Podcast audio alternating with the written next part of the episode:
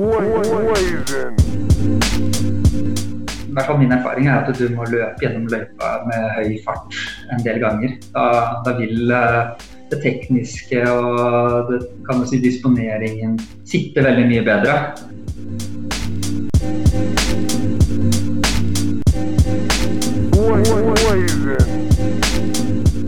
Ja, sub 4 er det jeg tenker når jeg skal gå ut og løpe neste gang. Må man gå ut for å prøve å løpe på under fire timer. Og så kan det godt hende at hvis det virkelig spisser seg til at man må gå ut på et sånn kamikaze-oppdrag der man eh, setter farta så høyt man tør å sette den, og se om det holder hele veien, eller om man må krabbe hjem fra Røverkollen.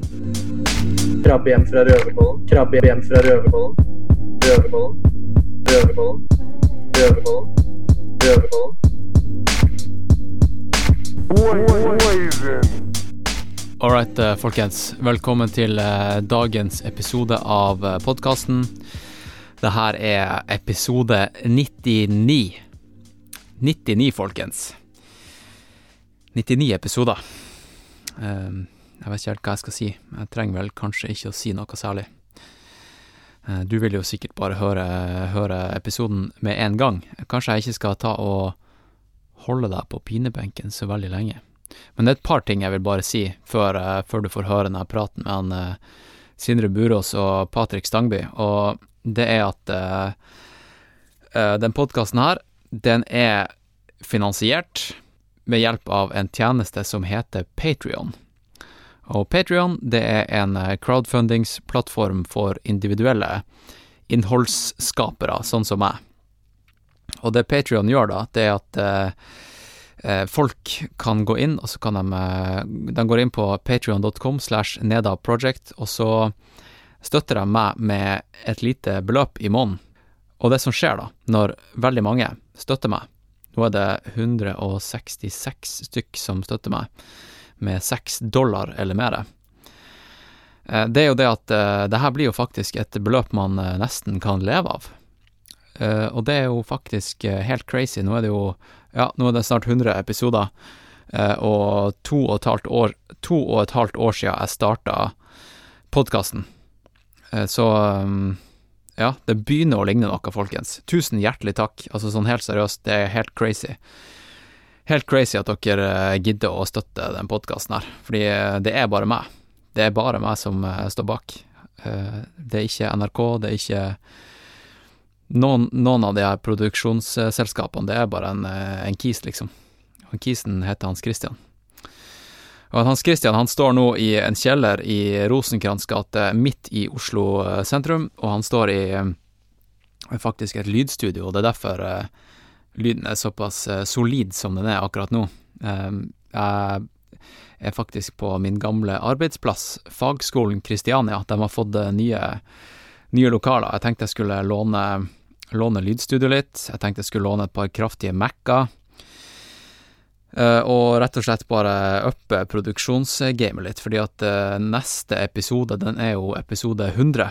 Og episode 100, den er Jeg tenkte sånn her Jeg hadde jo flagga litt sånn i forkant at uh, at jeg skulle invitere alle gjestene som jeg har hatt inn på et sånn her crazy fet fest, og bare lage en dritfet livesending og bare, ja, jeg vet ikke, lage noe, gjøre noe stort ut av det, da. Men eh, på grunn av koronaen så måtte jeg tenke litt annerledes, og det jeg fant ut av, var at eh, hvorfor ikke bare ta og lage en fet episode? Og hva er den feteste episoden jeg kan tenke meg? Å både lage og høre, det må jo da være å snakke med største, den største profilen i vår idrett. Vil jeg si, og kanskje største innen skimo, største innen alpinisme, og ganske høyt oppe innen klatring også. Og han kisen her, da, som jeg brukte ganske god tid til å få tak i, var Han heter Kilian Jornet, og ja, den episoden er faktisk allerede spilt inn.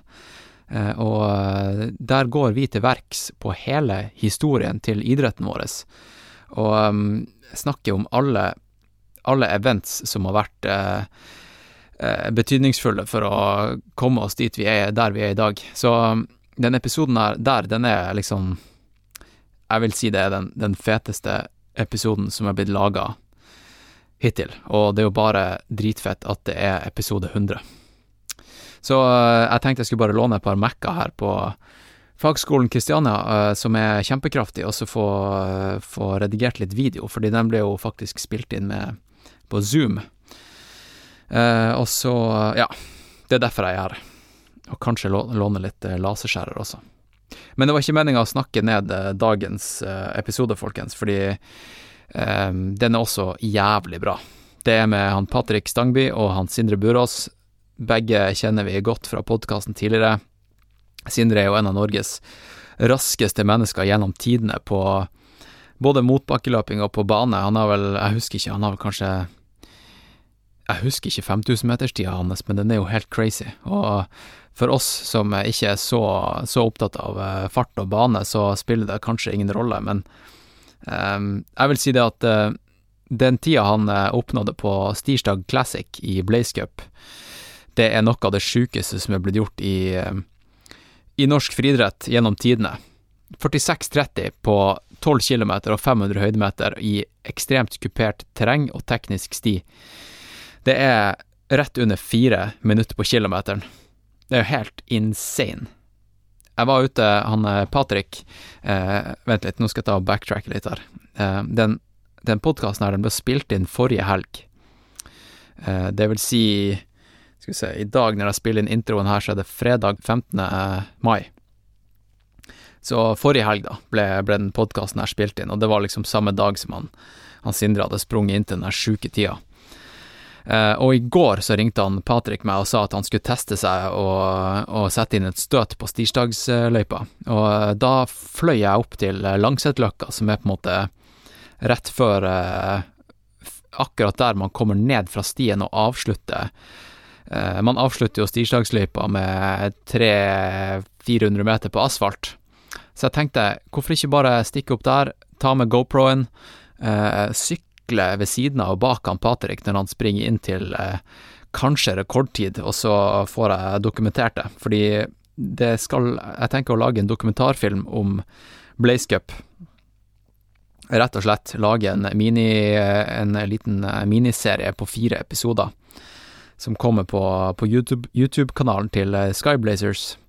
Eh, så det, den, den, videosekvensen der, den, eh, den kommer til å bli brukt til det. Så han Patrick, han sprang inn til, eh, hva det var, 52,12. Og det er jo da seks minutter bak han eh, Sindre sin, eh, sin, rekordtid, og det setter ting litt i perspektiv, fordi han Patrick er en jævlig rask kis, folkens. Jævlig rask. Så, ja, da, da var det sagt. Da var det sagt.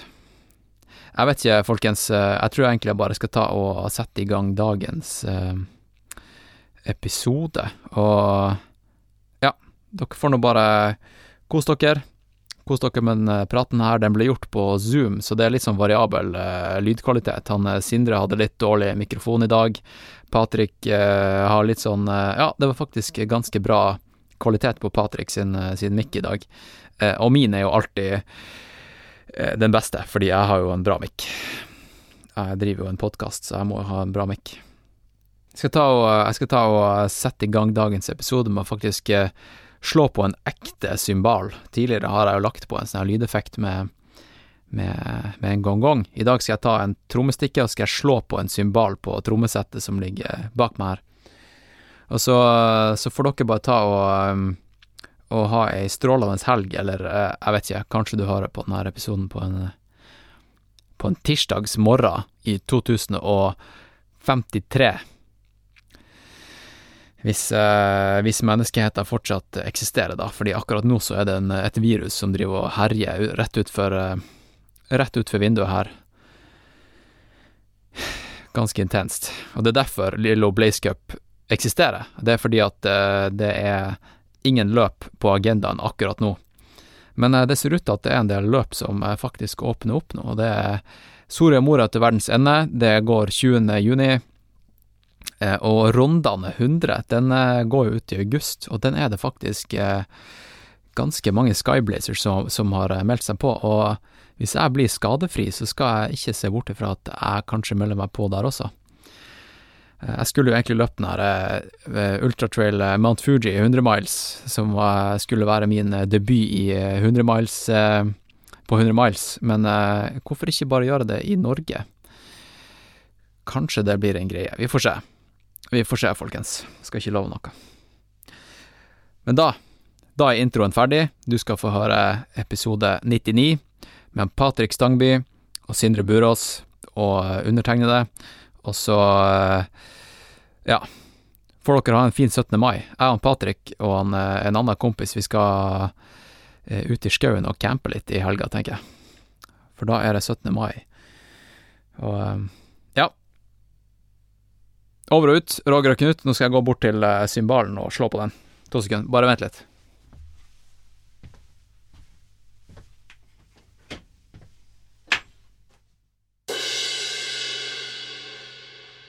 If you're having girl problems, I feel bad for you, son. I got 99 problems, but a trailing one. 99 problems, but a trailing one.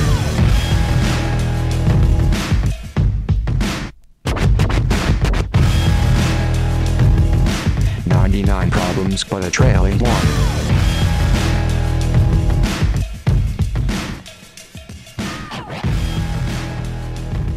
Skal vi streame dette på, skal vi streame det på um, Facebook eller noe? Det blir ikke streama, det blir ikke streama live, men det blir, det blir lagt ut uh, på et eller annet sted. Ja, det kan du, ja, hvorfor ikke? Vi legger det ut på, på Skyblazers-sida. Det er kult. Det er kult. Kanskje det blir en Jeg tror det er en kanskje 20 minutters grense på Instagram TV også. Kanskje det blir en Instagram TV. Jeg vet ikke. Mm. Du har skikkelig sånn Archie Motlys da, Patrick. Mm. Ja. Skal flytte litt på meg. Jeg sitter i sofaen. skal jeg bruke sånn der, um, Skal vi snakke om selve uh, løpene? Så da skal jeg bare ha, skal jeg ha Er det, noe hensiktsmessig for meg å ha straven oppe, liksom? Bare sånn, ja, så jeg det kan, kan se. Vi, det kan vi godt gjøre. Ja. Hvis jeg skal snakke om noen segmenter og sånn underveis. Ja. Ja. For nå har jeg løpt, har jeg løpt tirsdag to ganger. Mm. Ja, det er jo noen interessante observasjoner sånn personlig da, som jeg eventuelt kan snakke om hvis dere er interessert. Ja. Vi bare, vi bare kjører i gang, vi. Mm. Ja. Så ja, en, eh, en, smooth overgang fra smalltalk til uh, offisiell podkast. Da, da, har vi offisielt starta nå. Velkommen, okay. velkommen til podkasten eh, Sindre Burås og Patrick Stangby. Takk, takk. Står til? Mm, nei, formen er bra. Ja. Den er i hvert fall um, bra nok til å hevde meg på Playscape. Så det, det lover jo bra for resten av sommeren. Ja. Ja, bra er vel en uh, understatement, uh, vil jeg tro. Til, altså, du har jo levert noen helt sjuke tider her.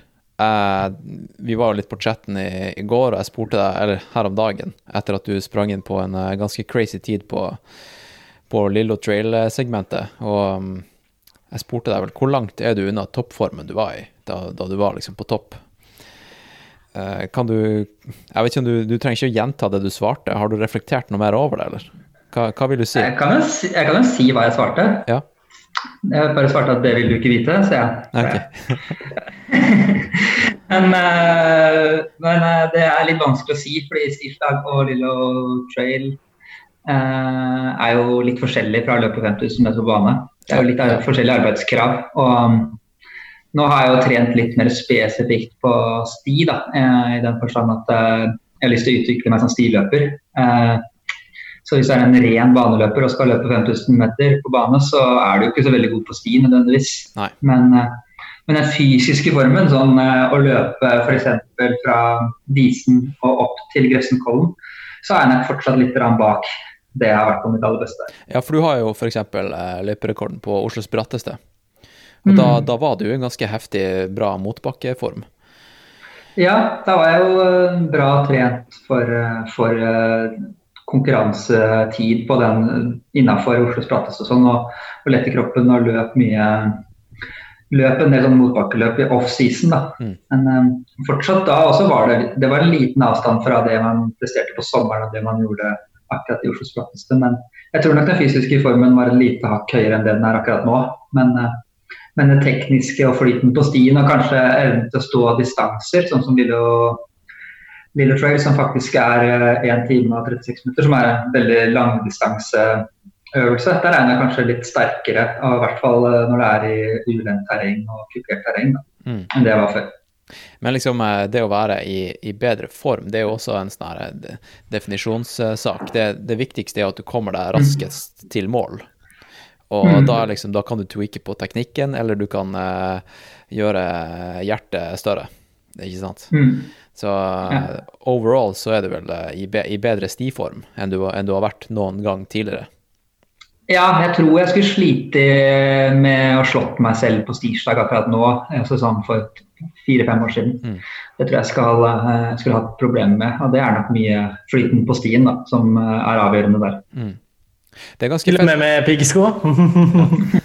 Piggsko hadde vært noe annet, da hadde jeg slitt med meg selv. Ja. Så det er, det er jo to, to, forskjellige øvelser som har veldig mye til seg felles. Da. Ja.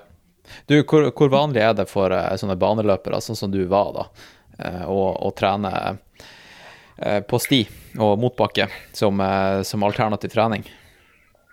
Det er nok litt forskjellig. Liksom, kommer det litt an på hvor du er født og hva slags bakgrunn du har. Fordi eh, friidrettsløpere og langdistanseløpere spesielt kan komme fra veldig ulike miljøer. Og, og noen av de kommer jo fra langrenn og, og, det miljøet der, mens andre kommer fra byer og friidrettsmiljø.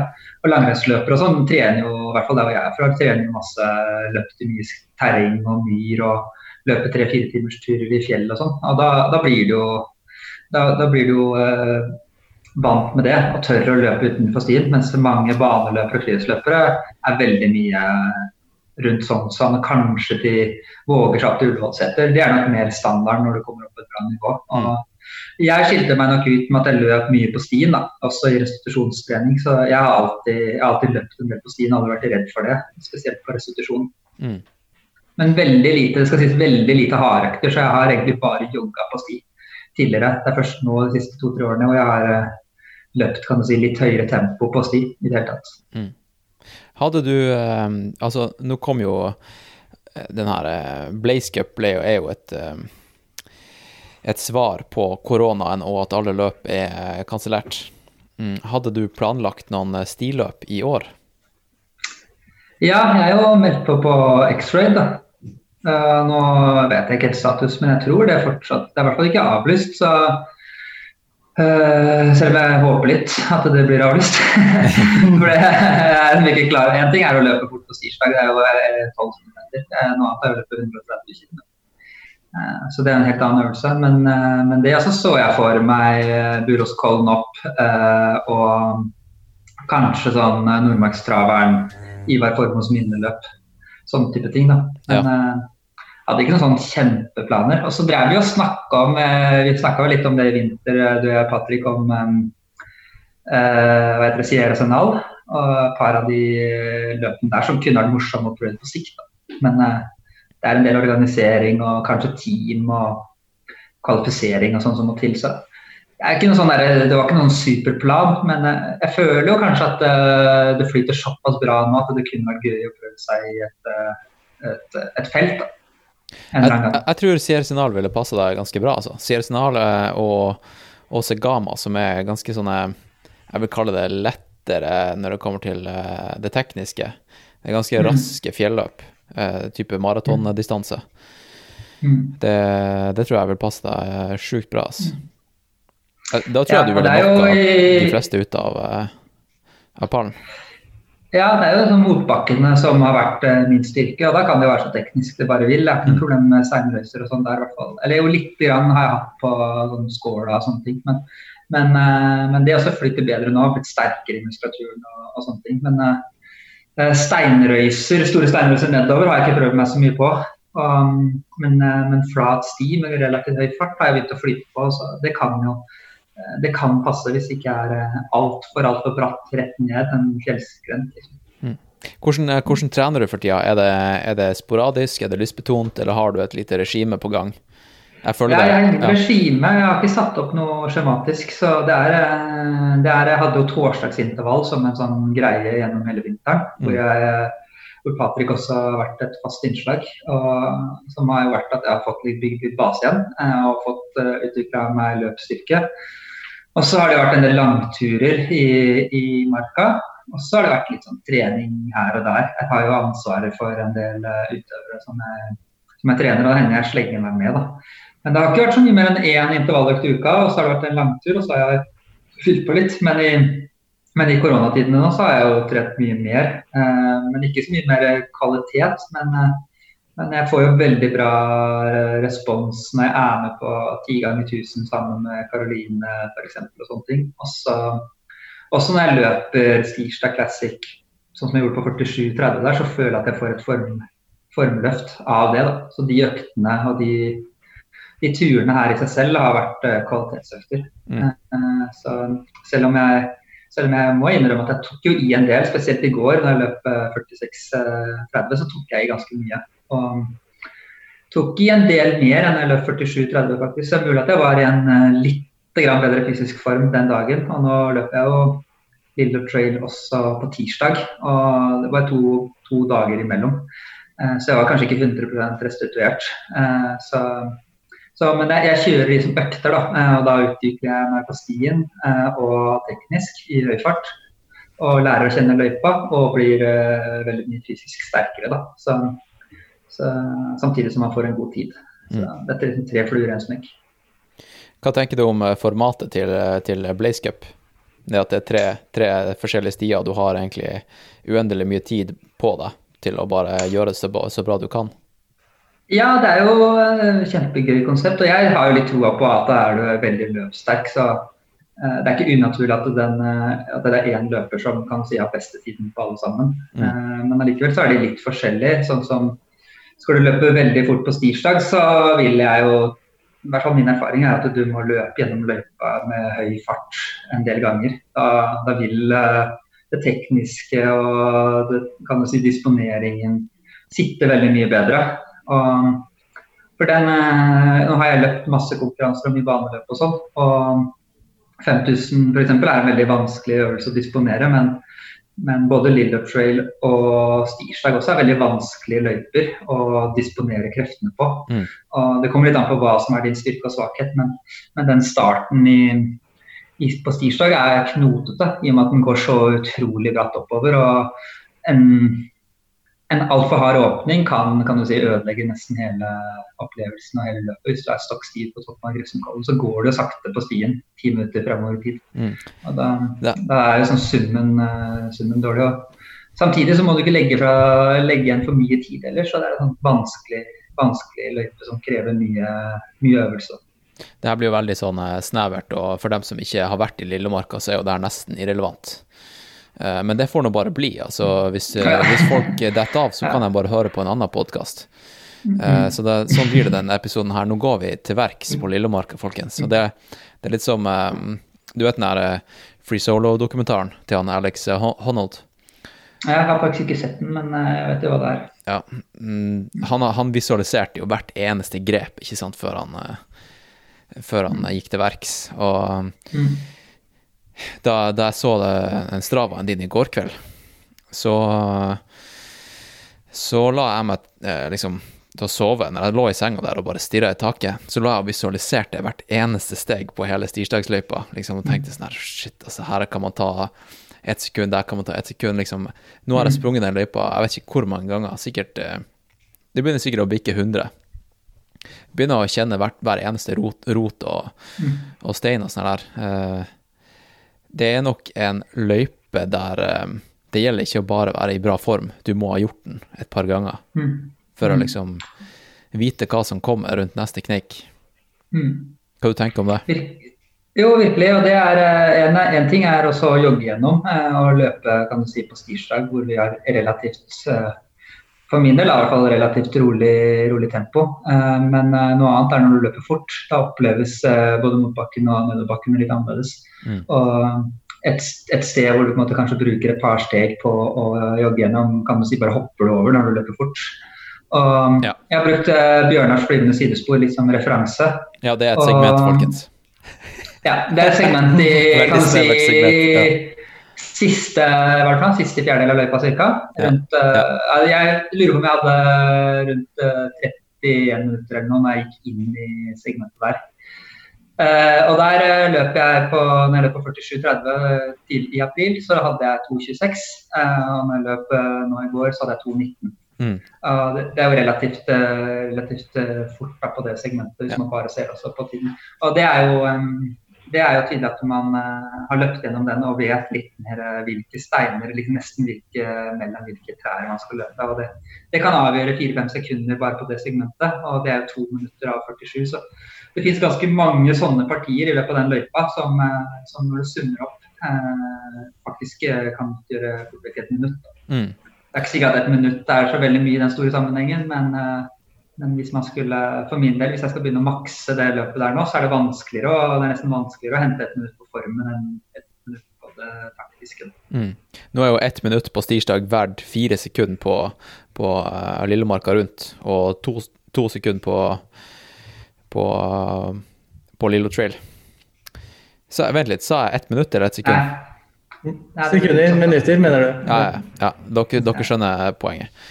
Eh, hvordan av de tre løypene tror du det er hensiktsmessig å liksom virkelig få ut alt potensial hvis man skal vinne totalt i cupen? Altså, og hvilket segment er det som er liksom bare sånn Bare gjennomfør, og så, så kan du cruise gjennom? Nei, jeg vet ikke, men uh, sånn som stirsdag er jo lettest å bare gjøre i en eh, Den kan du gjøre ganske mange ganger, da, i og med at den er såpass kort. Mm. Og, og tilgjengelig, vil jeg si, for veldig mange. Det er jo bare å ta trikken til Storo og, og jogge derfra, og så er du ferdigvarm omtrent. Og så kan, du- kan du blaste på en gang i uka og bli veldig kjent med løypa. Ja. Eh, og i løpet, av, i løpet av sommeren så bør du være såpass kjent at du kan sette en god tid. Eh, litt det samme med Lille Trail, men det er litt mer en sånn eh, helge, helgetur, kanskje, for de fleste. Eh, mens, eh, mens Lillemarka, tror jeg, Lillemarka rundt, så har du ikke så veldig mange forsøk. Og jeg tror at det der er det mer avgjørende å vente på riktig, riktig temperatur og sånne ting. Eh, så jeg har ikke lagt opp helt kjøret på hvilken dag jeg Jeg føler meg ikke helt klar for den distansen ennå, og heller ikke klar for løypa. Men, men allikevel er det mange fordeler ved å løpe nå. Eh, Gresset er lavt, og temperaturen er relativt god, og, og det er relativt tørt. Så jeg tror ikke du får så mye bedre forhold enn en, eh, akkurat i dag, f.eks. Eller i kveld. Jeg var jo på Jeg løp eh, gjennom stirsdagsløypa i stad med en eh, med en kar, han Kenneth. Um, han, eh, han ville ha en pacer, så jeg, jeg, jeg han inntil eh, akkurat under eh, sub, eh, sub 70 minutter. Eh, og eh, da la jeg merke til liksom, at nå har det begynt å blomstre. Nå har det begynt å komme, komme litt ekstra busker, og liksom eh, nedover side, Bjørnars flyvende sidespor, så er det liksom Forrige uke var kanskje det beste tidspunktet å virkelig sette inn støtet. Mm. Ja, du ser spesielt på det der partiet etter Trollvann når du går inn i, inn i skauen der. Ja. Eh, der kan det liksom gro igjen nesten. Eh, Ja. Og det er sånn veldig sånn tegn på at det Jeg vet ikke jeg, hvor mye det har å si på sånn som på den eh, på, Men, eh, men jeg, uansett så tror jeg det er ganske fine forhold nå, da.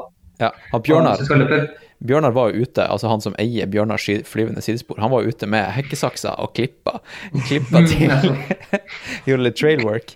Så vi får bare satse på at han eh, er ute med, med hekkesaksa igjen, da, og, og sørge for at uh, det ikke spiller noen rolle om det er mai eller juni eller juli, tenker jeg. mm, mm. Hva du tenker da, Patrick? Nei, jeg tror jo Jeg tror på en måte ikke for å demotivere noen heller, da, men jeg tror også du får en sånn Resultatmessig så er det lettere å få gode poeng på både Stirsdag og Lilo Trail.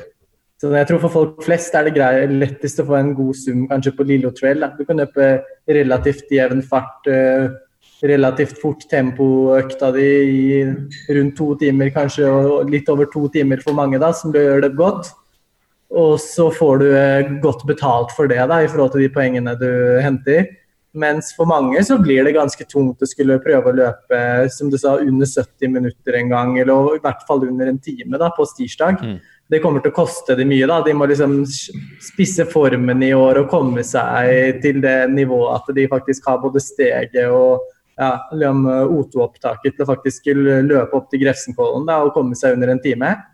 Så det tror jeg på en måte koster mye for mange. Men det verste tror jeg faktisk er Lillemarka rundt. For den runden er jo også 47 km har jeg fått de gangene jeg har løpt med min eh, Garmin-klokke, i hvert fall. Så vet jeg noen kanskje bikker 50, men si det er i hvert fall det er over 46 km.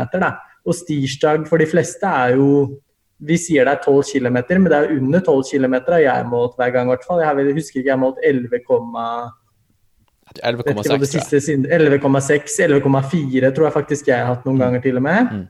Og så er jo Lillo Trail er, eh, var 20,4 tror jeg jeg har sett på flere nå de siste gangene. Folk med, som ikke har Sunto i hvert fall, har malt eh, rundt det. Så det betyr jo det at eh, en, når du skal dele disse resultatene dine på fire, da, og så er faktisk da også Du skal løpe ganske hardt lenge for å få en god poengsum på Lillemarka rundt. Mm. Men det er også et insentiv for de som vet at de kan holde en ganske god marsjfart uh, over god tid. Da. Ja. At de kan liksom eh, Det kan gjøre mye utslag der. For nå har vi liksom ikke sett noen som virkelig har prøvd å løpe litt raskere enn da på den runden. Men vi ser jo sånn som Sindre nå, som har eh, resultater på de to første da, på under 50 poeng. Jeg tror Sindre skal jobbe ganske hardt for å få et resultat under 50 poeng på Lillemarka rundt. da. Ja, og det er det som er så fett, Så- at det er et sånn relativt, det er sånn relativt tall. Så jeg, jeg var ute og rekognoserte og lærte meg å kjenne Lillemarka rundt-løypa, og da ja, brukte vel rundt fem og en halv time, eh, og da, det resulterte da i 83 poeng. Nå har jeg resultatlista foran meg, det er blazecup.no slash scoreboard, som nå har blitt eh, ganske så oppgradert med at du kan filtrere på, på poeng og, og og dem som leder og sånt på de forskjellige segmentene. Um, så vi, det er bare fire foreløpig som har kommet seg under timen på, på stirsdag. Og um, det er bare én som har løpt gjennom, eller to som har løpt gjennom uh, Lillemarka rundt. Det er jo enda veldig tidlig, da, så mye, alt kan jo skje. Nå er, folk har egentlig bare vært ute og rekognosert. Men Har dere ja, det? hva, hva sier du? Jeg, jeg føler ikke at jeg bare har rekognosert, jeg. Altså. Ja, det er jo bra at du er ærlig på det, da. Ja, jeg var sliten i går, faktisk. Det er bra. Kommer du til å sette inn et nytt støt, eller? Kommer du til å prøve deg igjen? På tirsdag? Ja. Eh, hvis du løper 45, så må jeg jo det, da. Tror du det er mulig å løpe sub 45? Ja, det tror jeg. Tror du det? Mm. Så hvor, hvor, hvor- hvordan skal man hente mer på Eller hva gjorde du feil i går? Eh, nei, jeg åpner fortsatt for hardt. Ja. Eh, nå har jeg prøvd to ganger. I går så skulle jeg egentlig holde igjen, men så satt jeg en ny, eh, ny CR opp eh, Grefsenkollen på sti. Og det gjør at jeg er sur i beina når jeg løper nedover, eh, nedover langs Slagenbakken der. Mm. Og, og det er spesielt det der partiet heter det Grytli-høgda. Altså den der, den har kommet på gressletta der, og så løper du opp mot Sorumskogen. Før det liksom snur på toppen der. Ja, der, ja. Mm. Ja. Den bakken der sliter jeg med, for der er jeg sliten i bunn. eh, Ja. Og, og jeg, jeg setter en god tid, eh, og setter, og satt liksom en bra tid i dag òg, men, men jeg vet at det kan gå en del fortere der. Eh, Men det er jo fordi at jeg er stinn i beina. At jeg, at jeg ikke får den flyten som jeg kanskje burde. Og, og også litt på slutten, eh, fra Langsetløkka og inn, så holder jeg ikke noe fortere enn tre blank fart.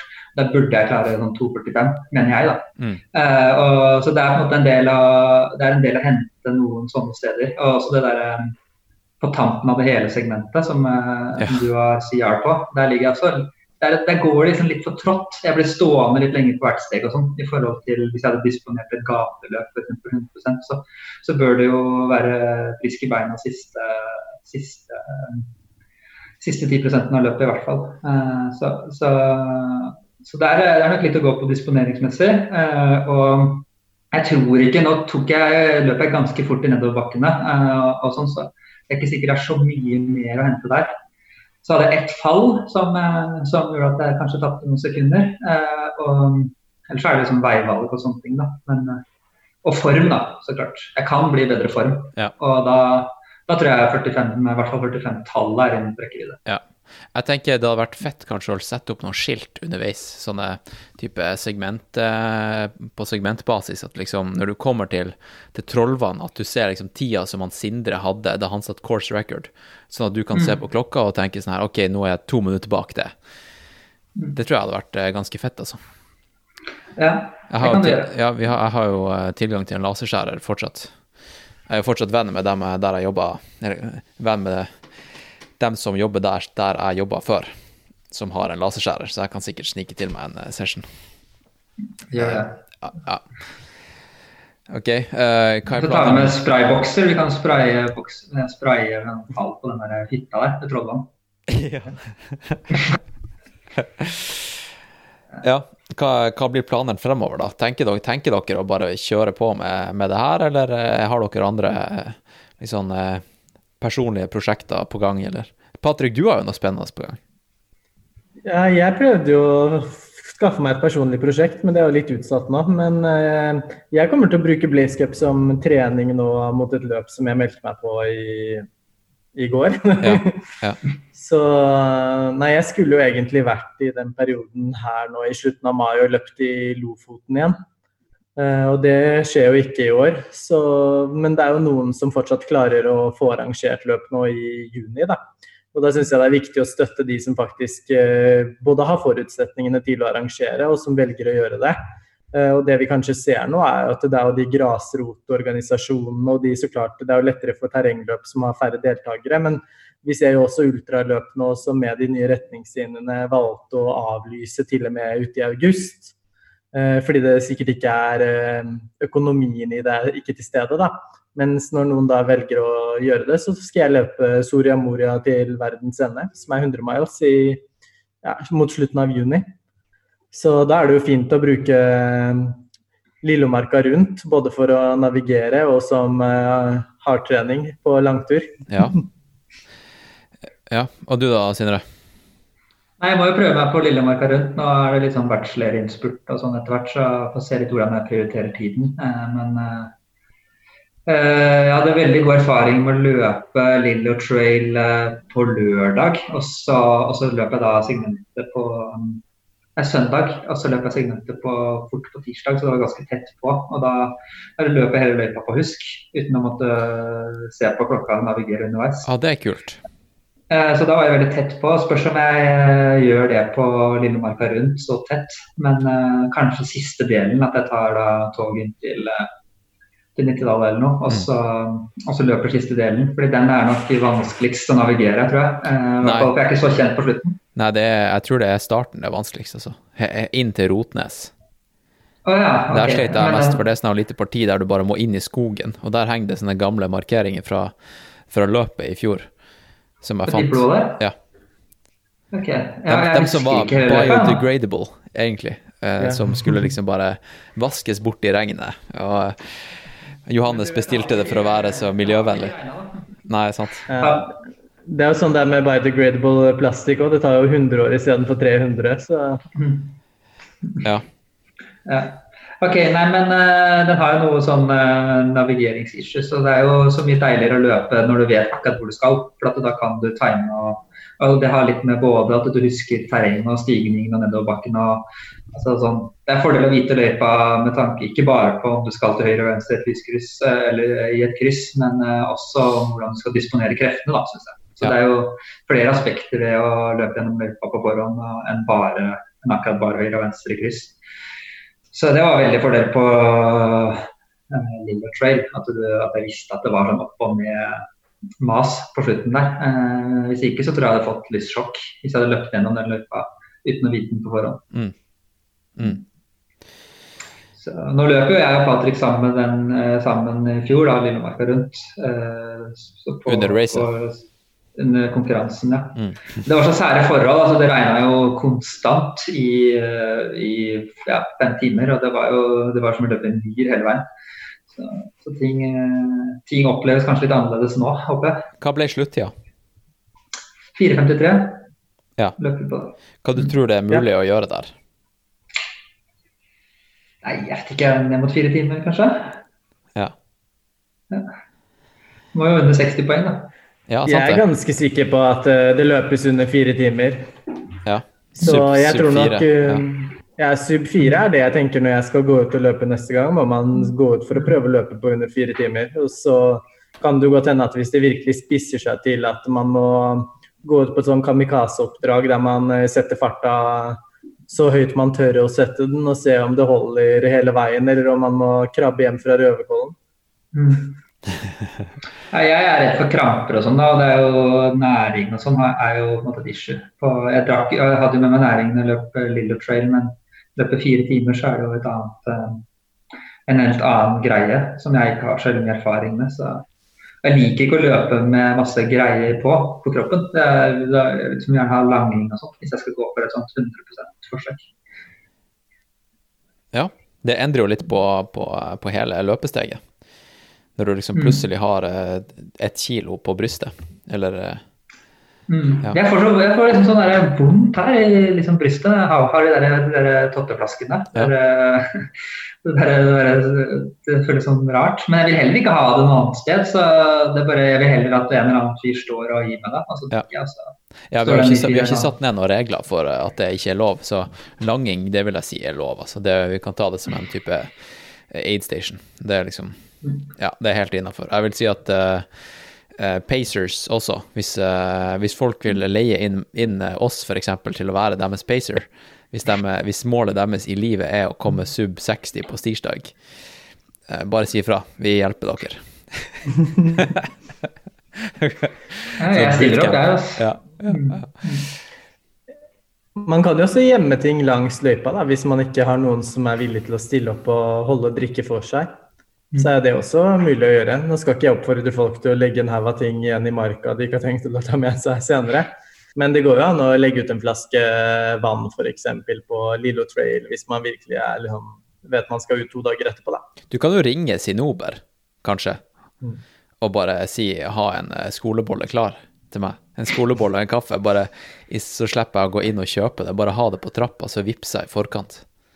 Det er bra aid station-hack. Ja. Ja. Kanskje jeg skal sende den podkasten her til dem, så kan de høre hva som skjer. Ja, de spurte faktisk om løpet når vi var, jeg var der innom der for et par uker siden. Mm. Og da så nevnte vi det til de faktisk. Det syns de var et godt uh, initiativ, så det er. Svinger jo sånn akkurat gjennom hele, hele opplegget der oppe. Så det er fin, eh, fin plass. Ja. Tror du at du vinner, Sindre? Ja, jeg tror det. han, er, han Didrik Hermansen han er ganske nysgjerrig, altså. Hva du tror, Mm, tror, tror du han eh, kan Nei. komme og utfordre? Ja, jeg håper jo det, da. Det er jo gøy, det. Og det er jo Lillo Marka Rundt som er som i hvert fall min eh, som blir den utfordringen her. Hvor jeg, eh, det er som ukjent farvann. Men, eh, men eh, jeg har bare analysert uh, Sirsdag-traseen og sånn. Og jeg vet at jeg er bra i motbakker, sånn som refererer til uh, Oslos bratteste og sånne ting. Eh, og der er det ikke så mange som har slått meg så mye tidligere.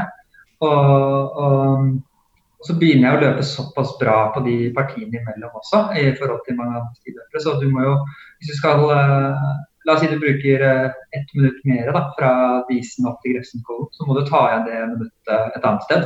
Mm. Og da må du jo løpe like fort som, eh, nesten like fort som CR da, på Bjørnars sidespor. Ja. Uh, hvis du skal på en måte hente inn igjen det i de tekniske partiene. Men nå jeg, løper jeg på 2,19, og CR der er uh, eh, 1,59, så jeg er 20 sekunder bak uh, Håvin. da, Og 2,02 er vel Ola Skatvedt, og da løper de maks. Så jeg holder jo relativt bra fart på de. uh, så, så da må man løpe veldig fort i nedoverbakkene. Og de flate partiene tror jeg også klarer å holde farten til de, i hvert fall på en 12 km. Mm. Eh, så er det kanskje litt å hente på Lillo Trail, tror jeg, men der også hadde jeg bra flyt på stien. så så jeg er absolutt um, mulig å løpe fra på teknisk sti, men uh, du må jo løpe litt fortere, i hvert fall på tirsdag, da, for å ta den tiden. Ja. Det er litt sånn her eh, Når du hører navnet Didrik Hermansen, så tenker man liksom at det er Norges eh, raskeste ultraløpere. En av, dem, en, av de, en av de raskeste gjennom tidene og, og sånt. Men det betyr ikke at ikke du er det, Sindre. Det er jo bare det at du ikke har eh, prøvd. Ikke sant? Men har ikke jeg løpt uh, de to løpene, Lillo Trail og Stiftag, er jo ikke ultra i den forstand, da. Nei, nei, nei. Det er jo fortsatt relativt kort, og pass, konkurransetiden passer jo meg veldig bra. Ja. Så uh, vi får se på Lillemarka rundt. Der kan det hende at det ser helt annerledes ut. Ja. Så, så da må Jeg jeg, bare ser- gjøre forsøk. vi ser nok en tid fra Didrik på ned mot tre og en halv time på Lillemarka rundt, tenker jeg. Det tipper jeg også. Tre og en halv time. Ja, det er ikke, jeg er ikke overraska hvis det plutselig klokker inn det der. Hva er det man har i fart da, egentlig? Det er ikke Ja. Det er, det er veldig få stiløpere som sjekker Ja, vet gjennomsnittsfart er. Jo, jo, men jeg vet, man vet jo hva man har på Lillo Trail, og på, så kan man jo regne opp. Liksom. Ja, la meg se her, jeg kan jo regne. Jeg har jo sånn pace-kalkulator. Vi bruker ikke fart som, som målenhet, vi bruker poeng. BC-poeng. Ja, sånn var det. Det, det jeg tenkte jeg skulle gjøre nå, var å ta og at eh, alle starter med en score. Og at eh, for hver gang du, du springer en av segmentene, så spiser du opp av den scoren. da. Så eh, jeg vil egentlig at alle skal ha en totalscore, og du blir straffa hvis du ikke har sprunget alle.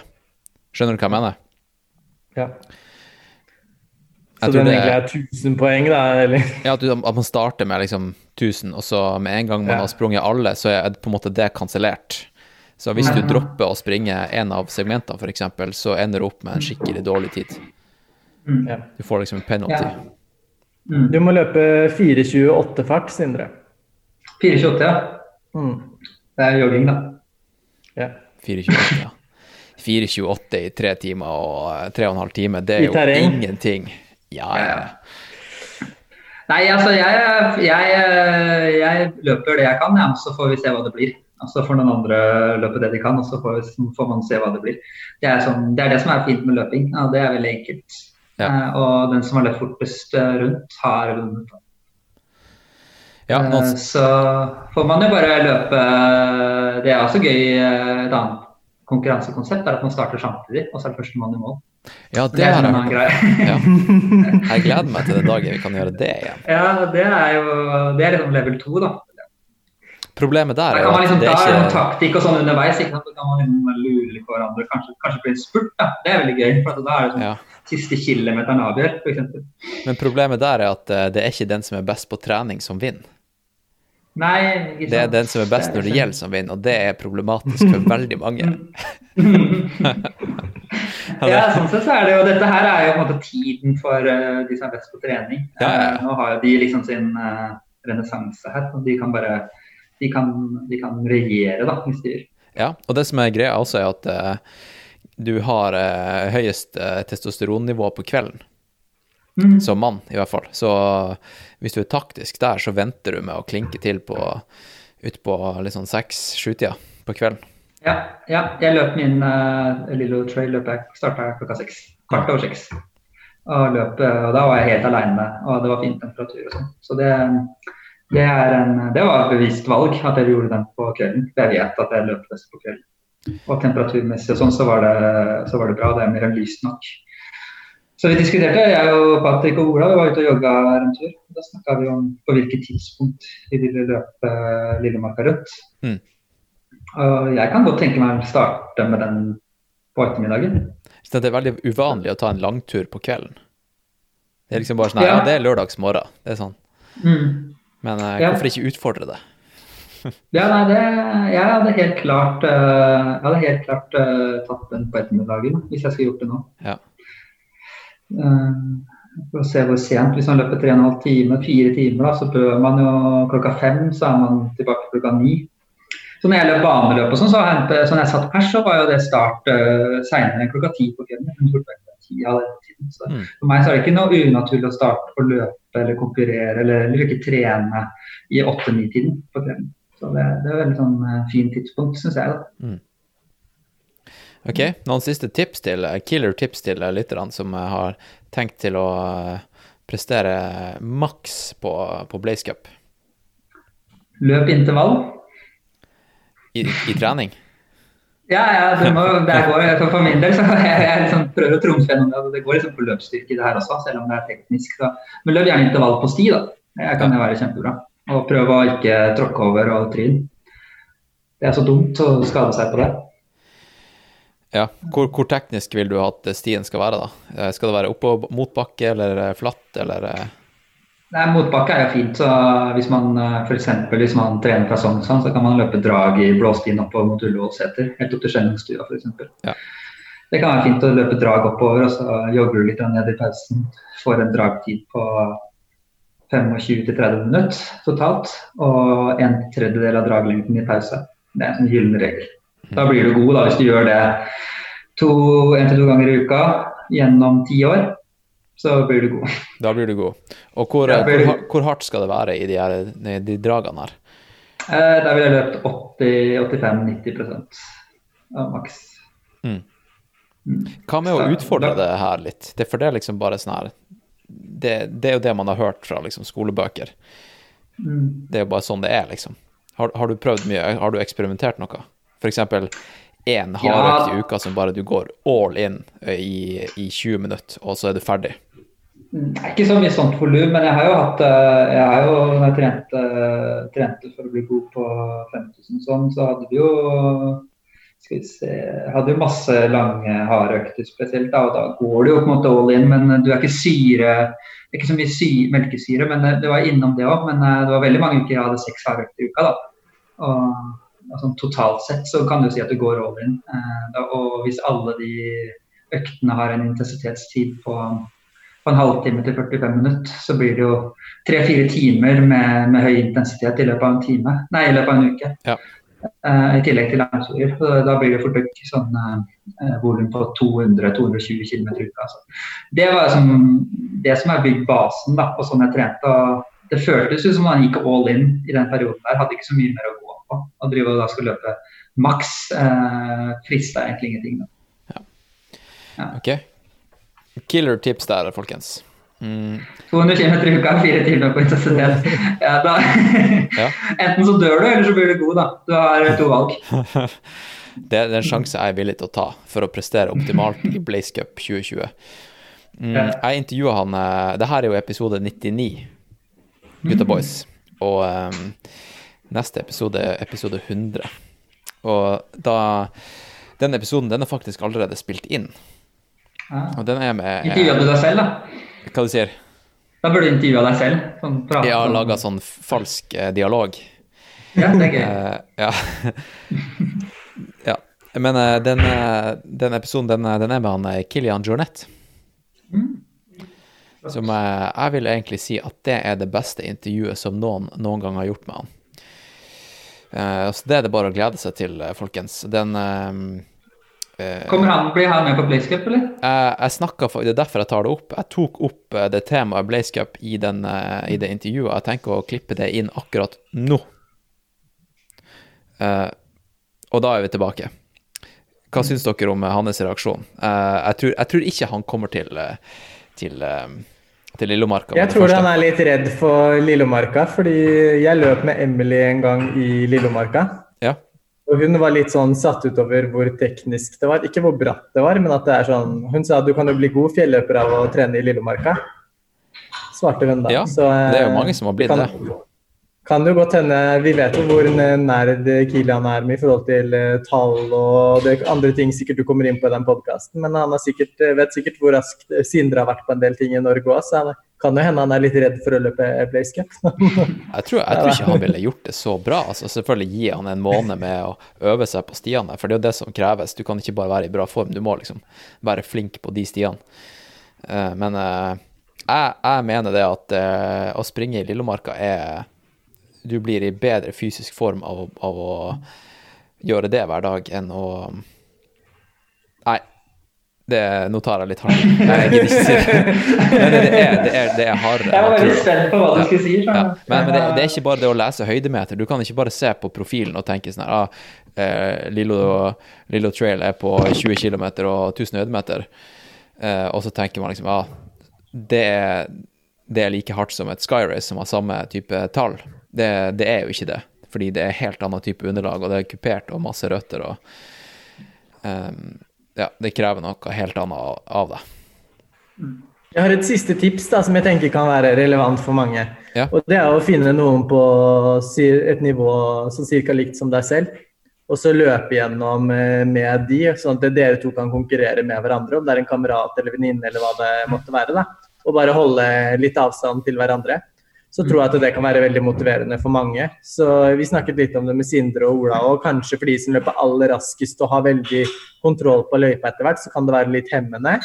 Men jeg tror at for mange så vil det fjerne et sånn element at du tenker litt for mye på deg selv hele tiden, og at det kanskje halvparten av løpet egentlig går med til å bare løpe litt hardt på sti med en eh, kamerat. Da.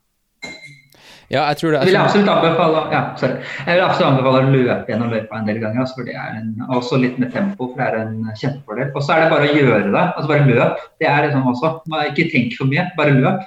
Verste som kan skje, er at du får en litt dårlig tid, og så kan du bare gjøre det en gang til. Det er det som er genialt med denne cupen. At uh, jo flere ganger du løper, jo større sjanse er det for at du får en bra tid. Mm. Så det er bare hver gang du tenker at du skal gjøre det, så gjør det. Så får man bare øve litt på alle bakkene og alle sti, altså valgene du har underveis. Da. Mm. Og det der med å velge en løpepartner når du skal sette inn et støt, kanskje ta og velge en, en forskjellig eh, løpepartner fra gang til gang. Ta en som er flink på ultra når du skal springe den lengste distansen. og ta en Ta og Hyr inn av Sindre når du skal løpe stirsdag. Og ja, hyr inn av Patrick på Lillo Trail. Ja. mm. Jeg er med. Jeg, jeg syns det er hyggelig å løpe med hvem som helst. Det jeg tror jeg er noen tips nå. Har jeg jo løpt den løypa en del ganger. Og jeg har nøla litt på de stivalgene underveis. Eh, så det er alltid noen tips å hente. Og kanskje jeg også ser løypa på en annen måte, da. Eh, det er jo, jeg ønsker, jeg har litt lyst til å komme meg under 45 minutter. Det er liksom blitt en milepæl. Det er jo, det er jo drøyere enn four minute mile, vil jeg si. Mye drøyere. Ja. Ja. Jeg tror jeg, Jeg har et siste ja. Jeg har et siste spørsmål til Sindre, da, siden jeg diskuterte det med noen andre. Men den tiden du løp nå på stirsdag, sånn intensitetsmessig, hva vil du si det korresponderer til på en 10 km? Flatt gateløp. Hva du tenker hvor mye jeg tar i, eller hvor mye Ja, følelsen, følelsen, nei, følelsen av intensiteten din. Hvis du skulle løpt samme følelse på en 10 km, hva hadde du løpt på da? Eh, nei, det er vanskelig. Nå er det jo lenge nå er det siden siden jeg har løpt eh, 10 km. Men det, det som er med de løpene her, at det er jo mer av og på. Du må liksom konsentrere deg. Du hviler jo på en måte litt i nedoverbakkene. Så det ville vært sånn Mens på 10 km så løper du jevnt og, og hardt. Men jeg, men jeg tror jeg tok i som at jeg skulle løpt uh, 30 minutter på mila. Det tror jeg nok. Mm. Jeg tror nok at jeg er uh, Jeg tror at jeg flyter greit et sted, i hvert fall mellom 30 og 31 på mila nå. Så kanskje jeg klarer eh, å bikke under i et optimalt løp. Um, dette er 45 minutter konkurransetid, så det er litt lenger. Men, eh, men Og kanskje en fart som passer meg bedre enn eh, enn å dunke tre bankfart på, tre bankfart på, på asfalt. Men, eh, men rundt der, da, tror jeg. Vet ikke hva du tenkte? Nei, vi hadde bare en annen idé, for vi hadde jo en gjennomløping eh, ja, med en som du trener, der vi skulle løpe på rundt 34 på 10 km. Mm. Og jeg følte bare den gangen jeg løp gjennom på 53 på tirsdag, høy 53, så nesten 54, eh, så følte jeg at det var mye hardere for meg innsatsmessig å løpe på Mm. 54 på tirsdag enn det var å løpe 34 på mila. da. Ja, det tror jeg nok, fordi du flyter og du, du er veldig Det merker jeg også når jeg løper opp, opp er på Grefsenkollen, så puster jeg og peser. Jeg har jo vondt i beina og, og er sliten. Men så henter man seg litt inn igjen da, i nedoverbakkene. Så det er jo en del av det disponeringsgamet da, som du kan gjøre annerledes på et sånt type terrengløp enn på et uh, gateløp. Da. Som gjør det mer utfordrende og mer spennende. Da. Så uh, det er jo viktig å få frem. At det er morsommere å løpe fort på stirsdag enn å løpe fort på 10 km gateløp. Den kommer til å bli klippet ut og brukt i Jeg var litt sånn redd for at jeg skulle si det der, men jeg kommer til å få masse uvenner. Men uh, Det er sant. Ja, jeg tror Det ikke- det er sånn, jeg syns det er dritgøy. Det er jo på en måte sånn uh, Når jeg har sykla en del terrengsykling og liksom og sånn, du, du, Det å få høy fart på stien gjennom trær og den opplevelsen av fart i, i terreng er jo kjempegøy. Og spesielt de der, Nå er det ikke så mange sånn flate flytpartier i Lillemarka. Da. Det er jo både en stein og en rot og en sving en oppoverbakke og nedoverbakke hele tiden. Men eh, sånn som den der, eh, den der på tampen av det hele segmentet, f.eks. Det er jo utrolig morsomt parti å ha god flyt på. Mm. Bare dundre igjennom. Så det er jo det er, en, eh, det er en veldig fin opplevelse å flyte gjennom eh, sånne løyper. Og Lillo Trail, det må jeg si, der, eh, der syns jeg Johannes har gjort en fantastisk bra jobb i løypelegging. Den er jo, er jo eh, en utrolig fin opplevelse hele runden. Jeg er helt enig. Det er fantastisk. Snakk om å maksimere, ja, snakk om å maksimere høydemeter ut av Lillemarka. ass. Å skvise ut 1000 høydemeter på to mil i, i Lillemarka på Ja, det er helt sjukt. Ja, det, er, hvis, du bommer, altså, sånn, hvis du bommer på intensiteten der, så blir du veldig irritert da, på løypa. Mer enn Ja. du klarer å se glede i det. Men uh, den er seig på slutten der. Men, men uh, hvis han klarer å se bort ifra det, så er det en fantastisk løype. Jeg ser for meg at, eh, at det er flere som blir sånn obsessed på, på å liksom perfeksjonere de forskjellige rutene nå. Liksom at du, Mm. at du ikke får sove på kvelden fordi at du liksom slurver i en sving eller noe sånt. Mm. Det er litt sånn bittert hvis du løper et perfekt løp, da, så klarer du å tryne på Langsøytløkka f.eks. Ja. Det kan jo skje. Ja. Så ja, må du halte inn igjen, f.eks. Det er jo noe, en risiko du må ta. da. Men, eh, men eh, da har du heldigvis flere muligheter. Men eh, folk må komme seg ut. at plutselig så er juni her, og så plutselig er juli. Så man må begynne å sette tider nå, syns jeg. Det vil jeg i hvert fall anbefale. Ja, det blir en sånn koreografi. Du må liksom huske hvert eneste steg. Ja, det er dritfett. Ta, uh, ta folkens, de- dere som hører på og ser på, ta og gå inn på blazecup.no. Uh, dere har sikkert uh, sett linken overalt. Eh, jeg trenger ikke engang å nevne det. Men eh, der er det altså da en ny side for scoreboardet, som er ganske så fet. Der har dere oversikt over alle som, eh, som er med på Blaze Cup, og det, alle kan bli med. Det er gratis. Det er bare å kjøre på. Det er, det er nå snakker vi veldig mye om prestisje og det å løpe fort, og sånn her, men det er ikke det som er poenget. Poenget er å komme seg ut i skauen og um, ja, finne en, eh, en mening med, med treninga, mens uh, det ikke er noe offisielle, klassiske løp man kan, man kan løpe. Så det, jeg, jeg, jeg vil tørre å påstå at det her er nesten noe som vi må gjenta neste år, selv om det ikke er korona. At det er liksom det er såpass fett at uh, vi trenger ikke en, eh, et virus for å, for å gjøre det igjen, liksom. Er dere ikke enig? Jo, jo. Da kan man jo ha en eh, sånn samling eller en sånn etterfest også. Det kan vi Det absolutt ha. hyggelig. 31. juli blir det heidundrende fest. Og eh, live 2021. Ja. Men eh, ja, det er sant, det. Nei, vi må få til en eller annen type live- livepodkast à la det vi gjorde på, um, på Tøyen Startup Village eh, etter Lillemarka rundt i fjor, og visning av Besatt og sånn her. Tror du Didrik tør å um, Jeg tenkte bare på han ennå. Ja, Tror du han tør å Tror du han tør å si ifra, eller? Og når han skal løpe Lillemarka rundt? Eller er det Ja. han som smyger seg ut en morgen og bare Ta-da! Se hva jeg har gjort. Han smyger seg ut. Han er akkurat as we speak er han og springer eh, stirsdag, med, bare for å rekognosere. Han har, han har jo aldri sprunget den, Ah. eh, så han må begynne å øve. Så han jukser, altså? Ja, han er ute og jukser. Og mm, ja, han foreslo at jeg og han skulle springe ti kilometers intervaller på Lillemarka rundt eh, neste helg. Så han, han er ute og, lu, og lusker og lurer. Han er, altså, han er jo på Strava nå, det er ganske artig. Han var jo veldig Strava eh, Ja, han var, han var ganske imot det før. Nå sa han bare til meg her om dagen liksom at Hans Christian, jeg, jeg digger Strava. Det er jo kjempemotiverende. Alle de segmentene er overalt. Det kan du jo ta på course records og sånn.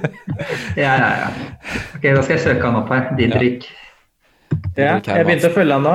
Ja. Han har løpt mye. Han løper mye. ja, det er jo det han gjør. Ja. Det er kjempeartig. Uh, ja. Nei, folkens, skal vi bare ta og avslutte, og så får vi bare ønske folk uh, lykke til i, i blazinga. Så kommer vi, vi kommer tilbake med sånne statusrapporter igjen. Uh, jeg vet ikke om vi kan kalle det, si at det blir ukentlig, men i hvert fall litt sånn innimellom. Og mm, kanskje neste gang med, med andre som ikke er på topp tre, som er litt sånn middle of the pack, eh, back of the pack-folk.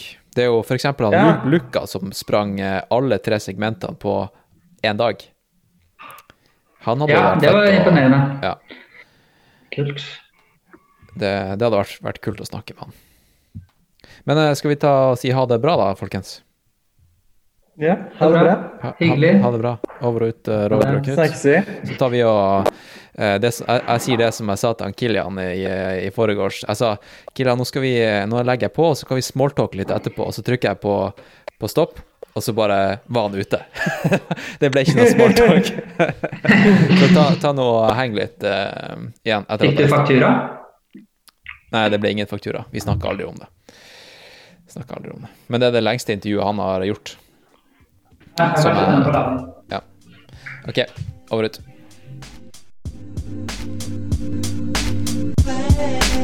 spiritual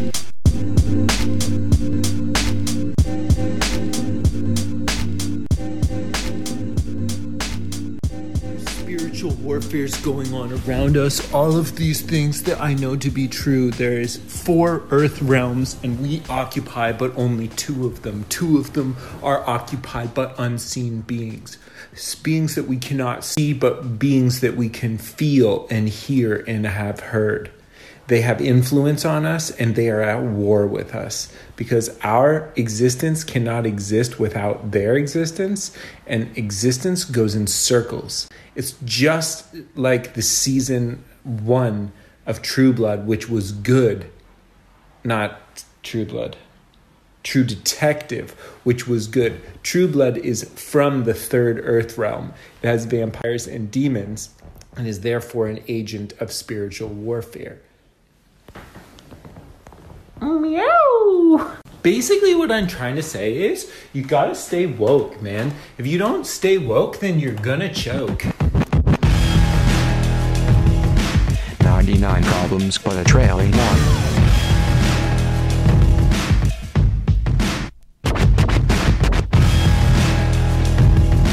Ninety-nine problems but a trailing one.